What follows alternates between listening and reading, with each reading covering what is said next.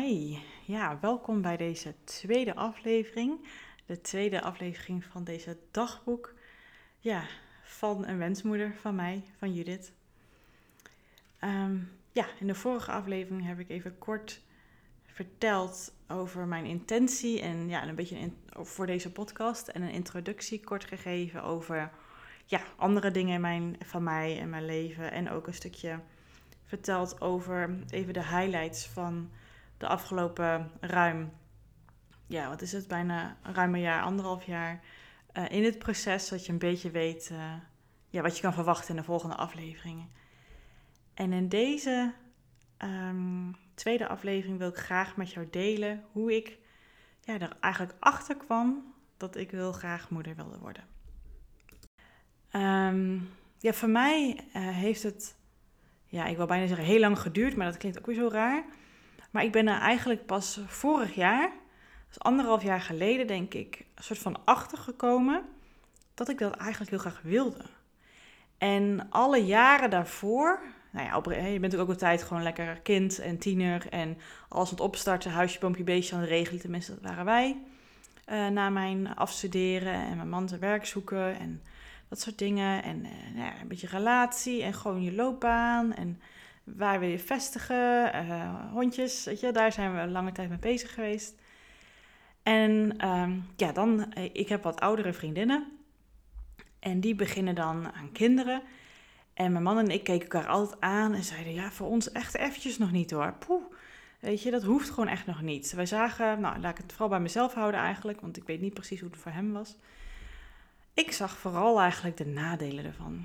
Ik dacht: Je leven wordt erdoor beheerst. Geen enkel vrij moment meer voor jezelf. Je bent alleen maar bezig met zorgen maken of het wel goed gaat met je kinderen en alles te regelen. Um, ja, je leven is een beetje voorbij. Uh, ja, echt zo dacht ik. Dus ik vond het heerlijk dat wij gewoon lekker konden gaan en staan waar we wilden. We hadden toen, al wel een hond. Um, maar ja, die kan je gewoon echt een paar uur alleen laten. Of gewoon even lekker naar de, uh, naar de oppas of de pension of de schoonmoeder. Uh, waar bij onze schoonouders brengen eventjes. Die vinden dat heel leuk. Niet onrespectvol bedoeld. Um, we hadden gewoon heel veel vrije tijd. Als we gewoon zin hadden om te gaan eten, uit eten om iets te gaan doen. Bam, dat was gewoon zo besloten. Die, die vrijheid, heerlijk. Ja, dat vond ik echt heel prettig. En ja, dan zag ik die kinderen en ik zag echt alleen maar die kant. En dat heeft, denk ik zelf, gewoon ook heel erg te maken met dat ik, uh, daar ga ik niet altijd diep in, maar daar is dit, dit niet de podcast voor. Maar dat ik ook vanuit mijn ja, manier hoe ik opgevoed ben, hoe mijn ouders zijn gevormd en mij hebben gevormd. En ik ben natuurlijk ook zelf bij. Um, best wel een ja, perfectionist was, denk ik dat ik wel kan zeggen. Heel erg van de controle en heel erg een pleaser. En dat kostte om dat te doen, ja, kan je wel voorstellen, heel veel energie. Dus ik was zoveel bezig met één ding heel erg goed doen. En twee, heel erg het voor de anderen goed te doen, aan hun verwachtingen te voldoen. En toen ik uh, ging samenwonen met Bas, en Bas is gewoon heel anders. En uh, eigen bedrijf gaan starten was al zo bijzonder voor mij, spannend, maar heel leuk. En is dat hele proces ook onbewust en bewust wel doorgegaan, dat ik meer, ja, ja, je weet het, dit is een, podcast. Misschien heb je het al door als je tot zover luistert. Die best wel over gevoel gaat en, en ja, misschien wel de spirituele kant op gaat. Um, maar ja, ik, wat wilde ik nou zeggen? Um, ja, ik was daar een beetje van die schilletjes aan het loslaten, zeg maar. Van al die rollen en, en verdedigingsmechanismes die ik um, had aangehouden, aangenomen, die muurtjes die ik op had gezet, die was ik, ja, die ben ik gewoon heel langzaam aan ja, los gaan laten. En anders mee omgegaan. En in situaties waar ik normaal heel erg pleasend naar mensen zou zijn, ben ik dat langzaam aan minder geworden. Meer mezelf gaan worden. Meer ontspannen geworden. En ja, waardoor uiteindelijk ook, en vooral in dit proces om, hè, als wensmoeder, om ja, meer tot je gevoel te komen. Maar ik ben als coach natuurlijk ook naar eigen coaches en psychologen geweest. Dat heeft ook allemaal meegeholpen erin. Maar dat heeft daar heel erg in gezeten. En toen, toen ik ja, toen mijn vriendinnen uh, en, en mijn man vrienden ook kinderen begonnen te krijgen. En, en uh, ja, klinkt zo stom als ik het zo zeg, nu ik weet hoe dat is, dat proces. Maar ja, er werden kinderen geboren bij hun. Ehm, het was hun gegund. Uh, ja, keken wij elkaar altijd aan en gedacht, poeh, weet je wel, wat fijn dat wij dat nu niet hebben. Wij zijn er echt nog niet aan toe. Af en toe op vakantie werd het onderwerp wel eens aangestipt, ook toen ik richting de 30 ging. Dat we zeiden, weet je, zullen we dit onderwerp even op de lange baan schuiven, over een paar jaartjes even weer adresseren. We hebben nog alle tijd. Um, ja, het, nu voelt het even niet goed. Ik merkte wel dat ik wel vaak degene was die dat onderwerp aansneed, omdat, ja, ik pleaser zijnde, gevoelig voor omgeving, denken, moeten wij dat dan ook niet doen?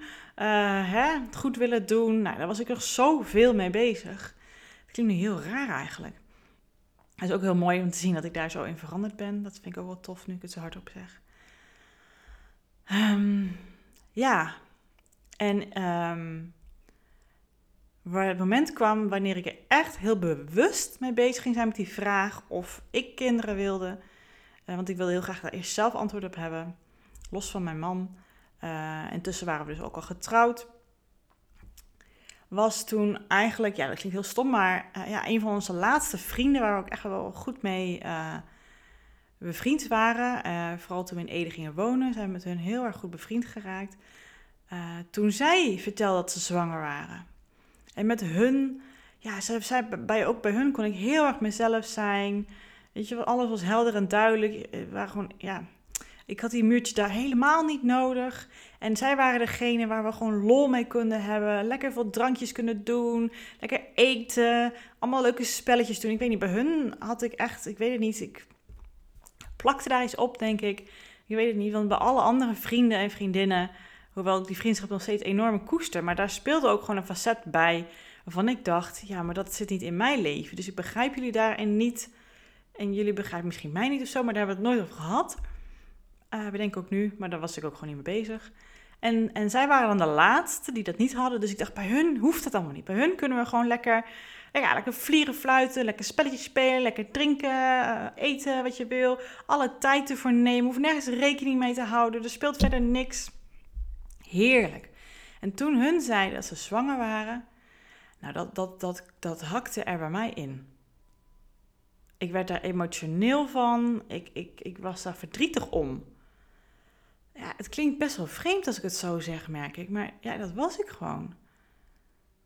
Ik was daar gewoon verdrietig om. Ik had het gevoel dat, dat zij de laatste mensen waren dicht bij ons, waar leeftijdsgenoten waren, die ehm, ja, die zeg maar de. Dat klinkt heel raar wat ik nu ga zeggen, maar zo voelt het echt voor mij. Zeg maar de tocht hebben gemaakt, de brug hebben geslagen naar het andere eiland. Het eiland van ouder zijn, het eiland van kinderen hebben, het eiland van die verantwoordelijkheid dragen. En ik had echt het gevoel dat mijn man en ik op een ander soort eilandje zaten. Met een hele dikke glasplaten tussen en een soort van. Ja, het was wel een brug, maar daar wilde ik niet heen. En ik vond het heerlijk op dat eilandje. Weet je, wij hebben de vrijheid, wij hebben de uh, maar het voelde ook best wel onbereikbaar, die mensen die daar waren. Ook al waren het gewoon vrienden, maar vooral op dat stuk, op dat onderwerp. Ik voelde dat gewoon heel onbereikbaar. Ik, ja, het voelde echt als gespleten werelden. En ik, ja, ik praatte met mijn vrienden. Ik vroeg wel, hoe gaat het met de kinderen uh, op school? Of, of, hebben ze ergens gelogeerd? Ik vroeg dat allemaal wel. Uh, omdat ik geïnteresseerd ben in de wereld van mijn vrienden, zeg maar. Maar ja, daar, gingen we daarna gelijk over andere dingen hebben. Mijn vrienden vonden het natuurlijk ook heel leuk om met mij het juist even niet daarover te hebben. Want daar hebben ze het wel weer over met hun uh, ja, vrienden die moeders zijn. Maar echt, het voelde heel erg afgescheiden. En zij waren dan de laatste die soort van de overtocht maakten naar dat... Uh, naar dat ja, andere eiland. Ja, misschien begrijp je een beetje wat ik bedoel, maar zo voelde het echt. Ik ben heel visueel ingesteld. Ik zag het helemaal zo voor me. Twee eilanden, een brug, glazen plaat. En ik voelde me gewoon heel erg alleen. Ondertussen was ik uh, uh, net 33 geworden. Zeg ik nou goed? Kan dat kloppen?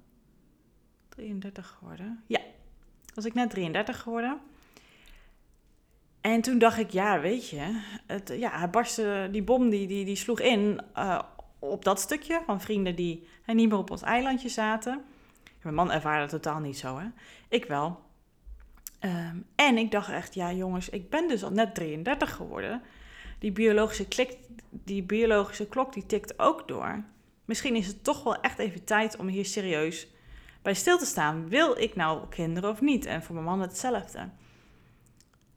En echt vanaf die tijd had, had, ik heel veel onrust. Had ik niet zo lekker in mijn vel. Want ik legde mezelf de druk op om daar antwoord op te krijgen.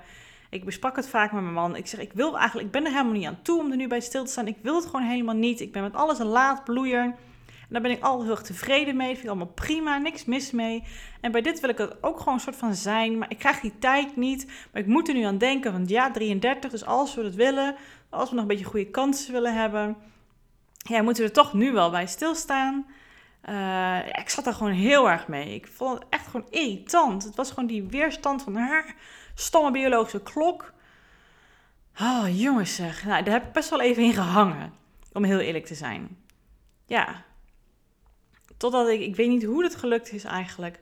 Dat ik op een gegeven moment ook... Ik denk ook gewoon door de gesprekken die ik met Bas gewoon heel open erover kan hebben. Ik heb ook echt met mijn uh, twee beste vriendinnen hier ook echt gesprekken over gehad. Hoe maak je die beslissing nou? Maar ja, met, dat is net zoals met alle andere beslissingen die je in je leven echt wil maken. Goede beslissingen. Ja, dat kan je niet alleen maar met je hoofd doen. Dat moet ook echt vanuit je gevoel komen. Vanuit je, ja, hoe je het wil noemen. Vanuit je hart, vanuit je ziel, vanuit je buik, vanuit je, uh, je gut. Um, ja, dat moet ook ergens verder vanuit je lijf komen dan alleen maar gedachten. Ik moet nu daar een keuze in maken. Ik denk dat dat wel geholpen heeft. Ik heb zo'n grote whiteboard, daar ben ik ook van alles van uitschrijven. Ik ben op een gegeven moment naar mijn eigen coach gegaan. Ik heb ook gezegd, ik wil even een lange sessie inboeken, want ja, ik weet niet hoe ik ermee om moet gaan. Ehm, ja, dat heeft me best wel veel gebracht, die sessie, maar nog niet bij dat antwoord. En ja, ik weet niet hoe het gelopen is, dus daar heb je helemaal geen fluit aan. Maar ik neem aan, als je deze podcast luistert, dat jij al wel die beslissing hebt genomen. En ik ben ook heel benieuwd hoe jij die, ja, tot, tot die keuze bent gekomen. Misschien heb je het al heel lang, dat behoefte. Maar zoals je bij mij hoort, dus echt totaal niet. Um, maar ik denk dat ik het wat meer ja, anders mee om kon gaan op een gegeven moment. Ik dacht, ja, ik ga er niet meer zo krampachtig mee bezig zijn. Judith, geef het gewoon de ruimte. Uh, sta er af en toe bij stil als je die ruimte ook voelt. Um, maar laat het zijn. Antwoorden komen vanzelf wel. Ik denk dat ik dat ergens wel een beetje besefte. Nou, wij uh, hebben hier een heel mooi bos waar ik graag in loop. En ja, elke dag loop ik daar minimaal één keer met mijn hondjes. En uh, ja, dat perfecte moment om dan eventjes dingen de revue te laten passeren. Of een podcastje te luisteren, muziekje te luisteren. Of gewoon lekker naar de bomen te kijken en naar de vogeltjes te fluisteren. En ik weet nog, ik geloof dat dat een vrijdag was. Dat weet ik niet 100% meer zeker hoor. Uh, donderdag of een vrijdag was. En toen liep ik in het bos. En dat was begin uh, vorig jaar ergens. Ik, februari, maart denk ik. En ik was uh, ja, weer bij het stilstaan. Niet bij het nadenken, bij het stilstaan. En nadenken, hoe zou het... Ja, wel nadenken. Voor me stellen, hoe zou het zijn als ik gewoon even dat stuk loslaat van, ja, uh, jij, jij bent altijd, als je een kind krijgt, dan moet je gelijk weer al andere mensen pleasen en over controle over hebben en verantwoordelijkheid dragen. En um, dat had ik al aardig wat, wat losser gemaakt, wat meer ja, de ruimte kunnen geven. Dat ik dacht, ja, dat hoeft helemaal niet zo zijn. Want ik zag bij mijn vriendinnen ook dat ze er anders mee omgingen. Er zijn andere mogelijkheden. Ik denk, oké, dat, dat, dat, nou, dat kan ik er misschien nog wel leren, hoop ik. Uh, dat ik dacht, oké, en dan? Wat is er nog meer? Want ik belicht alleen maar één kant van het verhaal. Want dat, speelt natuurlijk, dat is natuurlijk ook zo. Ik denk dat het wel zo is. Je hebt gewoon meer verantwoordelijkheid. Dat is gewoon zo. Ja, je bent verantwoordelijk voor iets prachtigs. Uh, ja, jij bent als ouder daar de sole responsible, nou ja, met z'n tweeën hopelijk, uh, persons voor, zeg maar. Maar als ik daar eens doorheen leer te kijken, daar doorheen kijk. En ik geloof dat ik dat op dat moment, toen kon ik dat, liep zo in het bos. Ik weet nog precies waar ik liep. Ik voel het gelijk nu weer in mijn buik. Dat ik dacht, hoe zou het zijn? Wil ik het dan echt, als ik dat zo doorheen kan kijken, om een kindje te hebben? En ik weet nog dat ik zo'n sterk, warm gevoel voelde op dat moment. Dat begon als een bal in mijn buik en dat echt wel een beetje door me heen ging. Dat ik toen echt dacht, oh, en ik, nu ik het zeg, ik voel gelijk kippenvel mijn armen en mijn benen. Dus het is er nog steeds, hè. Oh mijn gosje. wat zou dat eigenlijk toch wel heel mooi zijn. Als ik weer even niet, kan, niet hoef te denken, niet ga denken vanuit die muurtjes van mezelf, die verdedigingsmechanismen die ik heb opgebouwd in heel mijn leven, maar echt puur kijk naar hoe zou dat zijn. Toen kreeg ik zo'n gevoel, dat gevoel, zo'n warm gevoel, wat me best overrompelde eigenlijk. Dat ik echt, ja, schrikken is een groot woord, maar ja, verrast. Ik was er echt door verrast door. Ja. En ik was die dag ook een beetje van slag. Ja, het was wel, ja, dit was denk ik vrijdag en ik ben gewoon gaan werken. En ik wist ook niet wat ik ermee moest met dat gevoel. En we hadden echt een paar weken geleden daarvoor samen afgesproken, zullen we allebei voor onszelf eens bekijken, ja, willen we dit? Los van elkaar. En dan zien we wel als het verschilt van elkaar. Uh, maar ik, ik zei echt, ik wil heel graag voor mezelf dat besluit nemen. En ik, ik zou het ook heel fijn vinden dat jij ook voor jezelf kiest of je dat wil. En die dag daarna, dat was dan dus een zaterdag, toen, uh, ja, toen zaten we ook bij het, uh, bij, het, bij het open haard die we hier zo mooi hebben, bij het vuur. En ik, oh, ik vond het zo moeilijk om te vertellen. Ik, ik vond het ook moeilijk om het hardop te zeggen. Daarom denk ik ook dat het hè, hardop zeggen en het uiten zo erg helend voor mij kan zijn. En wie weet jou ook een beetje verder helpt. Um, ja, ik zat echt zo aarzelend en, en, en hap, hoe dat, hakkerig te zeggen dat ik zo tegen hem zei, ik zei, joh, weet je nog, dit en dat. En dat we erover na gaan denken. Ja, ik kijk me een beetje zo aan. Ik zeg, ja, ik, ik denk dat ik het wel heel graag wil. Ja, ik, ik, denk het toch wel. Ik vind het wel heel spannend. Ik vind het enorm eng. En heel spannend. Maar als ik echt diep van binnen kijk en ik heb een gevoel erbij dat ik echt denk dat ik het heel graag wil. En toen zei hij mij, zei hij dat, dat hij dat ook graag wilde. Nou, wow. Ja. Ja, en dat, dat gevoel van dat ik het best wel eng vond. Dat wij die kant op gingen of, of wilden gaan in ieder geval uh, in ons leven. Dat wat het ook allemaal met ons zou kunnen gaan doen. Um, ja, hoe ons leven eruit gaat zien. Een hele andere wending. Dat er heel veel dingen gaan gebeuren waarvan ik nog niet weet of ik daar wel klaar voor ben. Ook al wil ik het wel graag. Oh, mijn help. Dat was wel... Um... dat, dat, dat, ik, ik werd helemaal overspoeld met bepaalde emoties. Van angst, van wensen, van schrik, van... Nou ja, ik weet niet wat allemaal. Alles tegelijk. Ik klapte helemaal dicht. En dat mijn man zo duidelijk zei dat hij dat wel graag wilde. En dat ik het zo stamelend zei, dat was, wel uh, boeiend. Heel heerlijk, hè? Hoe uh, soms die nuchtere mannen zo duidelijk een beslissing kunnen nemen. Ja, echt heel bijzonder, maar goed. Ja, dat was echt het moment dat, dat ik ja, zelf besefte, zelf eindelijk tot dat gevoel kwam, ja of nee. Want nee was ook gewoon goed. Echt, dat had ik, dat, dat, ik denk dat het ook daardoor misschien gelukt is, dat ik dat bij dat gevoel kwam. Ik wilde gewoon heel graag bij mezelf voelen, ja, wat, wat zou ik nou heel graag willen in mijn leven? Wat zou, waar zou ik meer, nog meer betekenis uit kunnen halen, nog meer voldoening uit kunnen halen? Wat is iets wat voor mij voelt ja, dat op, bij mijn padje hoort, dat bij mijn leven hoort, dat ik daar, ja, dat, dat gevoel was het.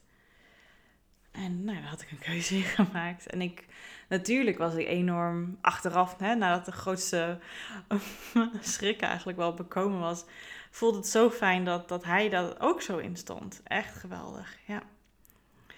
Ja, maar goed, stresskipje Judith, die uh, zorgde er wel voor dat dan die knoop was doorgehakt. Dat ik daarna nog meer rusteloze nachten ging krijgen. Want ik probeerde natuurlijk allemaal, hoe, wat zal het allemaal betekenen? Hoe zal het allemaal zijn? Wanneer dan? Oh, ik, ik kon gewoon echt dagen niet slapen. Nee.